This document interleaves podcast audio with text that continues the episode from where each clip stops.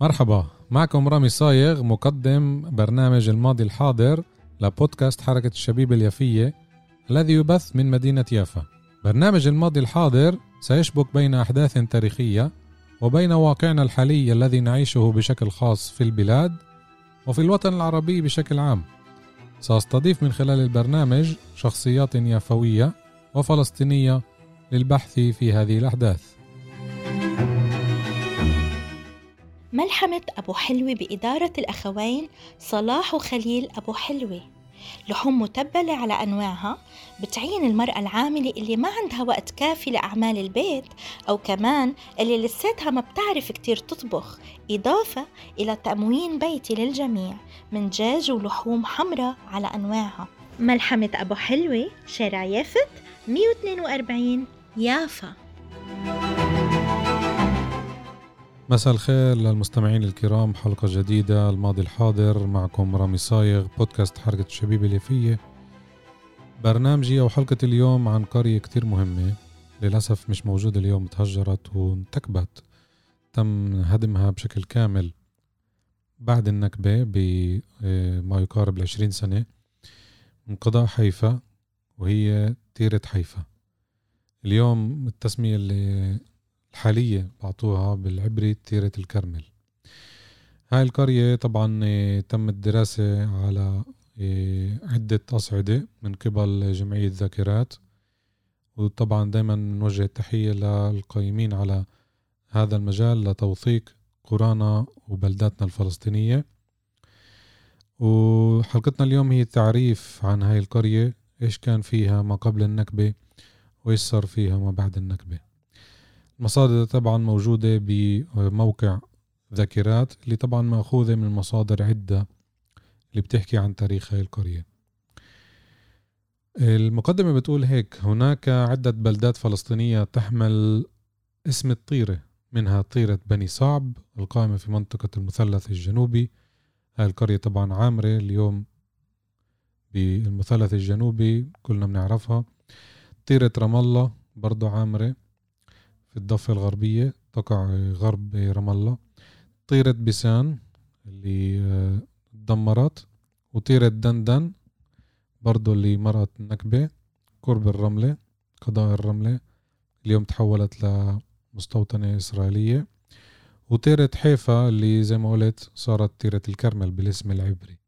فهاي المقدمة على أساس إنه طبعا في عدة آه، أسماء متشابهة. للطيرة وبرضه طبعا أسماء تانية لبلداتنا الفلسطينية. عنا وصف كامل لهي القرية وحابب أشارككم فيها. بنقول هيك طيرة حيفا وتسمى أيضا طيرة الكرمل وطيرة اللوز هي بلدة عربية فلسطينية احتلت عام 1948 تقع على بعد 10 كيلومتر جنوب حيفا. كان مدخلها الرئيسي يصل القرية بطريق الساحل الرئيسي. وهو اليوم المدخل الشمالي للمدينة الإسرائيلية العبرية تيراتا كرميل التي أقيمت على موقع وأراضي القرية الفلسطينية. كانت القرية تنتشر على المنحدرات الغربية السفلى لجبل الكرمل مشرفة على السهل الساحلي وترتفع 75 مترا عن سطح البحر. كانت الطيرة من أهم قرى قضاء حيفا وأكبرها من حيث عدد السكان فقد وصل عدد سكانها عام 1948 إلى 6113 نسمة وعام 1945 آه، في غلطة مطبعية طبعا عام 1948 6113 آه، نسمة آسف. وبذكروا لنا طبعا إنه آه، نمت هذه القرية وكانت طبعا أصغر من هيك بكتير. مذكورة طبعا المصادر التاريخية أنه من سنة 1596 آه، زمن الحكم العثماني كانت آه، تؤدي الضرائب بشكل آه، زي كل القرى اللي هي المنتجات الزراعية. وفي عنا ذكر هنا كتير شيق بقول أنه بعد سنة 1872 أخذ اقتصاد القرية يتدهور. إثر التجنيد الإجباري الثقيل للوطأة الذي فرضه العثمانيون. طبعا بهاي الفترة كان في ملان معارك بين الدولة العثمانية وبين الدول الأوروبية والفلسطيني دفع ثمن هاي المعارك وتجند بالجيش العثماني. طبعا اللي قدر يهرب كان يهرب وهاي القصص طبعا موجودة عند كل أهالي فلسطين. لكن القرية عدت فازدهرت لاحقا وقد بنى سكانها منازلهم من الحجر وكان شكل القرية مصلبا. اشتملت أراضيها على بضعة ينابيع منها عين السريس في الجنوب الغربي والعين الشرقية وعين مقصب في الشرق وعين عبد الله في الشمال الشرقي يمر في أراضي الطيرة ثمانية أودية. بلغت مساحة أراضي الطيرة 45272 دنم 85% منهم للفلسطينيين العرب. كانت ثاني أكبر قرى حيفا مساحة بعد إجزم. اعتمد اقتصادها على الحبوب والخضروات والفاكهة والأشجار المثمرة. بنكمل هنا بالمعلومات عن القرية نفسها بيقول هيك في سنة 1943 فاق إنتاج التيرة من الزيتون والزيت ما أنتجته أي قرية, أي قرية أخرى في قضاء حيفا فقد بلغت مساحة الأرض المزروعة زيتونا حوالي 4600 دنم في الأرض السهلية الواقعة بين القرية والبحر. وكان في الطيرة أربع معاصر. واحدة قديمة هي معصرة أبو شكرة وثلاث معاصر زيتون آلية هي معصرة أبناء عبد الحفيظ الأحمد في الحارة القبلية ومعصرة الحلبي في الحارة الشمالية ومعصرة توفيق الزبن وتقع شرقي المنزول. وكانت مساحة أراضي القرية على طول الساحل حوالي عشرين ألف دنم بالإضافة إلى الزيتون كثرت في القرية أشجار الخروب والتين والعنب والصبر وبعض أشجار اللوز والتفاح والمشمش والرمان والتوت وزرع أهالي الطيرة القمح والذرة والعدس والسمسم وكذلك الخضروات على أنواعها والشمام والبطيخ. يعني كل ما تتخيلون من المنتجات الزراعية كانت موجودة بهاي القرية. وكان في أراضي الطيرة خمس خرب إحداها وهي خربة الدير تضم بقايا دير سان بروكادوس وبعض الكهوف التي كانت آهلة سابقا ونفقا من الحجارة المعقودة. وكان على الجنوب من القرية موقع أثري مكشوف يعود تاريخه إلى العصر الحجري. في التيرة على فكرة كان في مدرستين ابتدائيتين مدرسة للبنين مكونة من بنايتين سنة 1931 تم تأسيسها. ومدرسة البنات سنة 1934 أكمل الطلاب دراستهم الثانوية في حيفا ونابلس والقدس ومن استطاع تابع دراسته الجامعية في مصر. في مصادر كمان بتقولنا عن الحياة الاقتصادية. تأسست شركة بساط الطيرة عام 1938 يعني بعز الثورة الفلسطينية الكبرى. وفي بداية الثلاثينات امتلك أحمد كامل الناجي والحاج يوسف أبو راشد أول شاحنة نقل وكان عدد الشاحنات بالقرية عام 1948 ثماني شاحنات وكان فيها سيارات أجرة تعمل بين الطيرة وحيفا وفي أواسط الأربعينات أسست مجموعة من السكان شركة تاكسية المستقبل. يعني كل هاي المعلومات بتدل على إنه القرية كانت مش بس عامرة إنما كانت كبيرة وكانت تتطور وتنمو ولولا النكبة كان صار عدد سكانها اليوم ما يقارب ما يقارب الخمسين ألف وأكيد لتحولت لبلدة وين اشتغلوا أهل القرية؟ عدد منهم كان بمصانع حيفا ومينائها ومصفاة النفط ومعامل الاسمنت والتبغ وغيرها وفي اشتغلوا بمعسكرات الجيش البريطاني اللي طبعا أقام حول الطيرة عدة معسكرات على أراضي صادرها من السكان أنفسهم. طبعا مصادرة الأراضي الإسرائيلية تعلموها من الإنجليز هيك كانوا يعملوا بأهالينا. يصادروا الأراضي تحت حجة عسكرية وطبعا بالتهديد. ما كانش في أي إمكانية لأهل القرية أو البلدة يعارضوا. فمشان هيك هاي الطريقة نسخها اليهودي الإسرائيلي اليوم وبيعملها لحد هاي السنوات. طبعا القرية من كتر ما هي كبيرة تقسمت لحارتين رئيسيتين الشمالية والجنوبية. الشمالية كانوا يسموها حارة الدير الجنوبية الزلاقة والقف والزاوية. حارة الزقزوق في الشرق والجامع في الغرب والمنزول في الوسط والباشية بين المنزول والزقزوق وكان في وسط البلد سوق عامرة. طبعا هذا كله بدل على إنه كان في اثارات كمان قديمة بالقرية نفسها وطبعا مباني جديدة. أما المسجد المركزي فيقول لاجئو القرية إن اليهود حولوه إلى كنيس اسمه إم هبنيم أي أم البنين ويقع اليوم في شارع أبلماخ ذكر آخر للحياة الاجتماعية بقولنا هيك. كان بالقرية نادي شباب الطيرة الرياضي وحركة النجادة لتدريب الفروسية وكانت هذه الحركة تقوم بفعاليات اجتماعية وشاركت في الدفاع عن القرية أثناء الحروب والثورات. هيك كمان كان بمدينة يافا وبالمدن الرئيسية وطبعا بيافا كان في حركة النجادة اللي مذكورة بالمصادر طبعا. وأقيمت في التيرة فرقة كشافة بقيادة مثقال بهلول. كان بالقرية مقاهن وبها أجهزة راديو تسمع الموسيقى والأخبار وكان فيها حكواتي. ووصل القرية أيضا مسرح دمى وكان فيها دار عرض لأفلام السينما.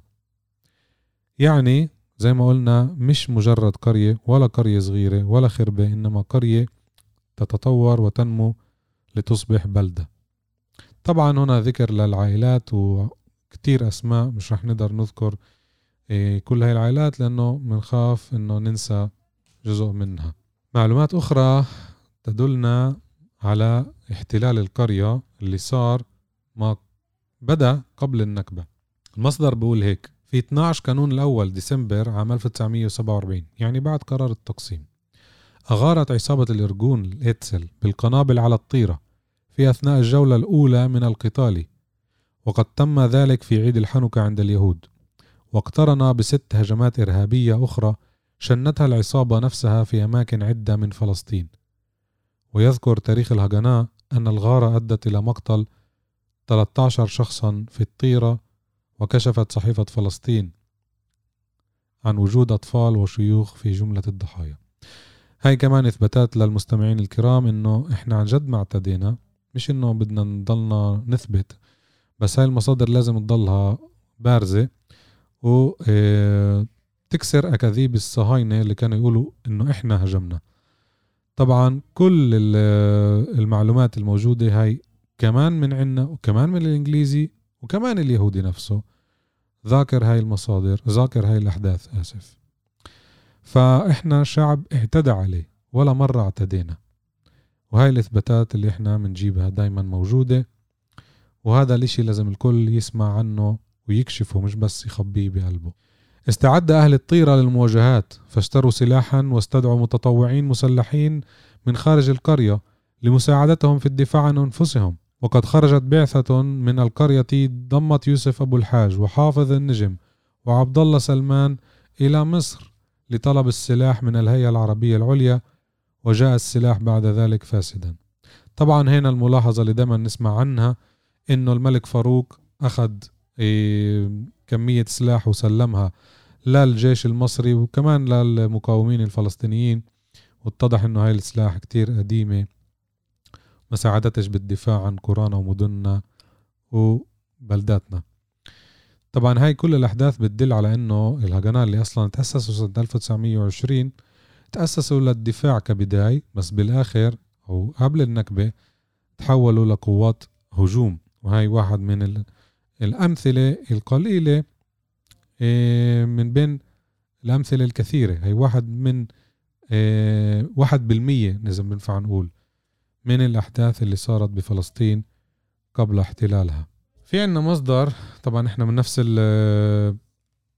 المعلومات اللي بنجيبها من الكراس بقول هيك يذكر عبد الصمد يوسف أبو راشد في كتابه أنه لما رأى الإسرائيليون أن الطيرة لا تسقط بعثوا برسالة مع أحد الأسرى يطلبون التفاوض مع المسلحين في الطيرة وحددوا الاجتماع يوم 14 سبعة 1948 على أطراف الطيرة الجنوبية فتوجه من الطيرة يوسف أبو راشد وأحمد أبو غيدة ونايف عبد المحمود وحسن علوة وأحمد سليمان الصادق وسليمان حجير وكرم الفهد حامل الرسالة واجتمعوا مع ممثلين إسرائيليين هم رئيس بلدية حيفا المحتلة شبتاي ليفي وسبكتور مختار إيه، أخوزات وكريستين ضابط في الهجنة.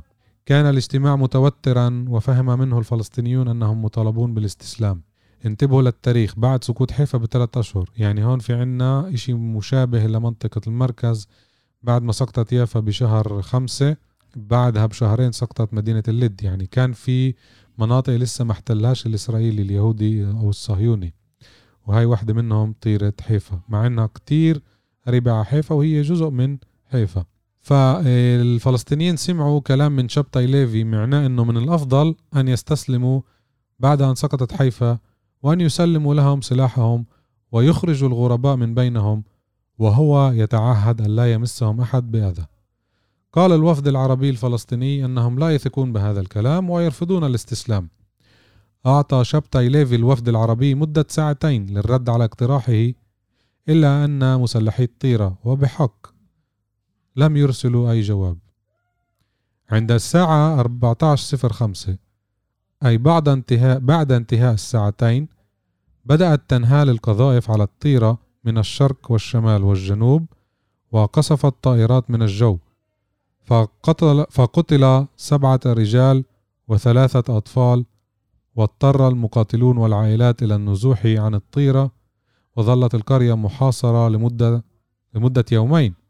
دخلت بعدها القوات الإسرائيلية القرية في 17 7 1948 سقطت القرية بحسب ما جاء في تاريخ الهجناء في 16 تموز خلال معارك الأيام العشرة التي فصلت بين هدنتي الحرب. ويشير كلام هذا المصدر إلى أن احتلال الطيرة وغيرها من القرى في قضاء حيفا مثل كفر لام والسرفند كان بليغ الدلالة إذ استعين استعين فيه لأول مرة بنيران القوات البحرية لمساندة القوات البرية.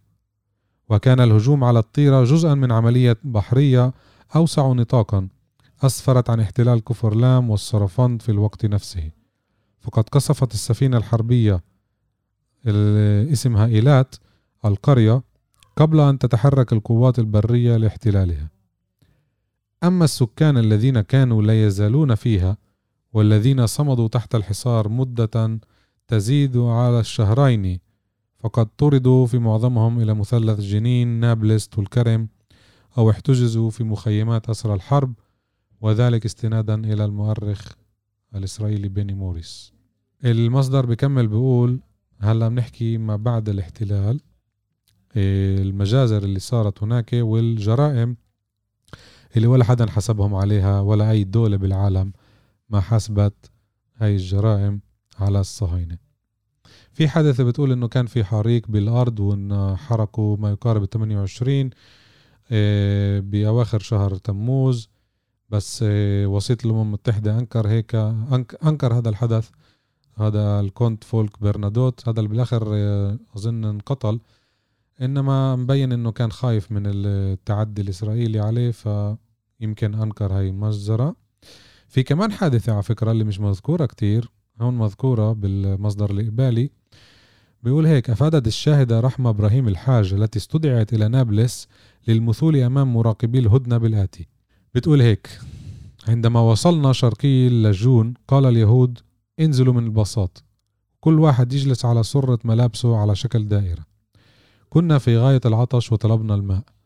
قال اليهود بالعربية انتظروا وذهبوا في اتجاه الباصات وعاد كل واحد منهم يحمل تنكة وبدأوا يصبون محتوياتها على السرر وعلى العجزة. ثم أشعلوا النار فيهم وذهبوا. شوفوا الشيطنة يعني لوين توصل. إنه كمان خط خت... ختيارية وكمان إيه تهجروا من مدينتهم من قريتهم وكمان بيجوا بيحرقوهم يعني ال SS إيه ما عملهاش. هم عايشين يعني. ال SS كان يحرقهم بعد ما يقتلهم. كنت أصغر وأقوى من البقية. فلما شممت أن السائل بنزين وليس ماء هربت إلى الجهة البعيدة عن النار وجربت وجريت واختبأت تحت صخرة إلى الصباح. وكنت أرى النار مشتعلة والناس يصرخون ويستغيثون. وفي الصباح ذهبت إلى مكان المحرقة وعندما وقع بصري على عدة جثث متفحمة استبد بي الرعب فلم أبقى لحظة واحدا. وجريت إلى أن وصلت إلى قرية زلفة حيث وقعت على الأرض من الرعب والإعياء اعتنى بي أهالي القرية ثم أخذوني إلى جنين. الشيطنة بتجسدها. بما إنه برنامجي الماضي الحاضر دائما لازم نذكر للمستمعين الكرام اللي موجودين بفلسطين وخارج فلسطين إيش صار بالكرة هاي. حتى لو انمسحت في دايما تخطيط كان إن كان متأخر إن كان حديث لبناء إيه، مدن وقرى أو بلدات على أنقاض بلداتنا الفلسطينية. القرية اليوم تحتل مدينة تيرة الكرمل موقع القرية. هدم الإسرائيليون كل مباني الطيرة سوى بعض المنازل التي ما زالت ماثلة للعيان. تسكن عائلات إسرائيلية بعدد قليل منها ويستعمل يستعمل بيت المختار عبد الله سلمان كمركز شرطة. ما زال مبنى المقاهي موجودا اليوم بتقاطع الشوارع الإسرائيلية. ويستعمل جزء منه كمشغل وجزء آخر تابع للكنيس إم هبانيم المجاور القائم في المسجد. كان في الطيرة عدة مقابر هدمها الإسرائيليون طبعا كلها ما عدا المقبرة المركزية التي تجري حولها في هذه الأيام أو في السابق لأن هذا الكراس قبل بضعة سنوات أعمال شق شارع وبناء حي سكني إسرائيلي جديد لمدينة تيراتا كرميل وحسب اللافتة المنصوبة بالمكان سيتم إنشاء حديقة وطنية بالمنطقة على الأغلب صارت موجودة ويتم بناء جدار يشكل فاصلا بين الشارع المحاذي وبين المقبرة بناء على طلب بعض لاجئي القرية الذين أصروا على متابعة الأمر. نوجه لهم التحيات لكل أهالي الطيرة طبعا اللي استمروا رغم النكبة بالمتابعة حول ما يحصل في أراضيهم. تنتشر المقبرة على ثلاثة أجزاء منفصلة يمر فيها واد جاف وطريق صغير شق حديثا. المقبرة نظيفة نسبيا لكن عددا من القبور مهشم وحجارتها مبعثرة. المبنى المركزي لمدينة الطيرة يستعمل كمدرسة إسرائيلية وأصبح جزءا من مدرسة كبيرة اسمها مدرسة شيفمان. أما المبنى الآخر من المدرسة والذي كان قبل النكبة مدرسة للصفوف الدنيا أول وثاني فهو مبنى مهجور ومهدوم جزئيا. والله أعلم صار فيه اليوم. وما زال مبنى مدرسة البنات موجودا في مركز المدينة الإسرائيلية ويستعمل كدكان. سفح الجبل الذي قامت عليه معظم بيوت الطيرة يزخر بركام المنازل المهدمة وتكثر فيه أشجار الصبار ويشاهد فيه مقام تعلوه قبة هو مقام الشيخ خليل. بالإضافة إلى مدينة طيرة كرميل أنشأت دولة الاحتلال على أراضي القرية كيبوتس حطريم في حزيران يونيو 1948 جنوبي موقع القرية يعني قبل ما يحتلوها. وبعد عام أقيم مشاف مجديم مقديم. سنة 1952 بنيت المدرسة الزراعية كفر قليم على أراضي القرية ثم ألحقت بها بيت في في سنة 1953 وقيمت مصانع إلبيت للإلكترونيكا عند باب النهر حيث قام أيضا ملعب كرة القدم سامي عوفر. إيه، هناك أقيم حي كفار سمير ومجمع تجاري حيفا بمنطقة كفر سمير وفندق المريديان في منطقة العزيزية. يعني بما إنه ذاكرين هاي المصادر يتضح إنه مش كل القرية تم نسفها بس طبعا أغلبها زي ما أنتم شايفين. بالكراس تبع ذاكرات موجودين كمان شهادات إيه، بقترح للمستمعين كمان يفوتوا على موقع الذاكرات ويشوفوا هناك كل المعلومات اللي بنذكرها جزء منها بنذكرها نقدرش نذكر كل المعلومات. وإذا بتفوتوا على إيه، المعلومات عن قرية طيرة حيفا راح تشوفوا التفاصيل اللي ما قرأتهاش اليوم طبعا. بس جبت جزء بسيط منها. لا نتذكر ولا نذكر كمان أهالينا بفلسطين وبالشتات لأنه المحو مش رح يكون إذا إحنا بنضلنا نتذكر. اخترت إشي بسيط من الشهادات اللي كانت مع الأهالي اللي كانوا وعاشوا هذيك الفترة. وطبعا كان على إيه، سؤال جواب كأنه. السؤال كان بحيفا إيش عملتوا؟ اللي جاوبت هي طبعا من سكان القرية الحاجة هاجر الباش من مواليد تيرة حيفا عام 1922 والمقابلة كانت عام 2012 سألوها بحيفا إيش عملتوا؟ هذا القصد بعد النكبة بعد التهجير. بتقول هيك بحيفا قعدنا سنة بوادي النسناس وقتلنا الجوع. لا في شغل ولا إشي. حيفا كانت فاضية. ترن الجرس ومتسمع حدا. إحنا سكننا عند عمتي. لليوم بعده البيت موجود. لما كنا بحيفا كان زوجي صار طالع من الحبس. لأنه مثل ما حكيت لك إحنا رحلنا من الطيرة وهو حبسوه كم شهر. طبعا مذكور موضوع الأسرى الفلسطينيين بكتب ومصادر فلسطينية اللي عملوا عليها دراسات اللي آه، بعد التهجير تم أسرهم وبعدين بعد عدة أشهر ما يقارب السنة تم تحريرهم بعد ما تم استغلالهم بالأعمال الشاقة. فبتكمل بتقول المهم لما كنا قاعدين بحيفا جوزي راح على الطيرة ولقينا بيتنا مهدود. التيارات صارت تقصف الطيرة وهدمت قسم من البيوت. إيه، حسن القصيني برضه من أهالي الطيرة قال هيك معظم بيوت القرية بقيت وهدوها بعد سنة الخمسة وستين. يعني بالبداية سكنوا فيها يهود وبعدين بنوا لهم بيوت وأطلعوهم. هذا الإشي بذكرني بحي المنشية بمدينة يافا. كيف بعد ما دمروا اليهود جزئيا نقدر نقول أسكنوا اليهود اللي إجوا من شمال أفريقيا ومن دول العربية.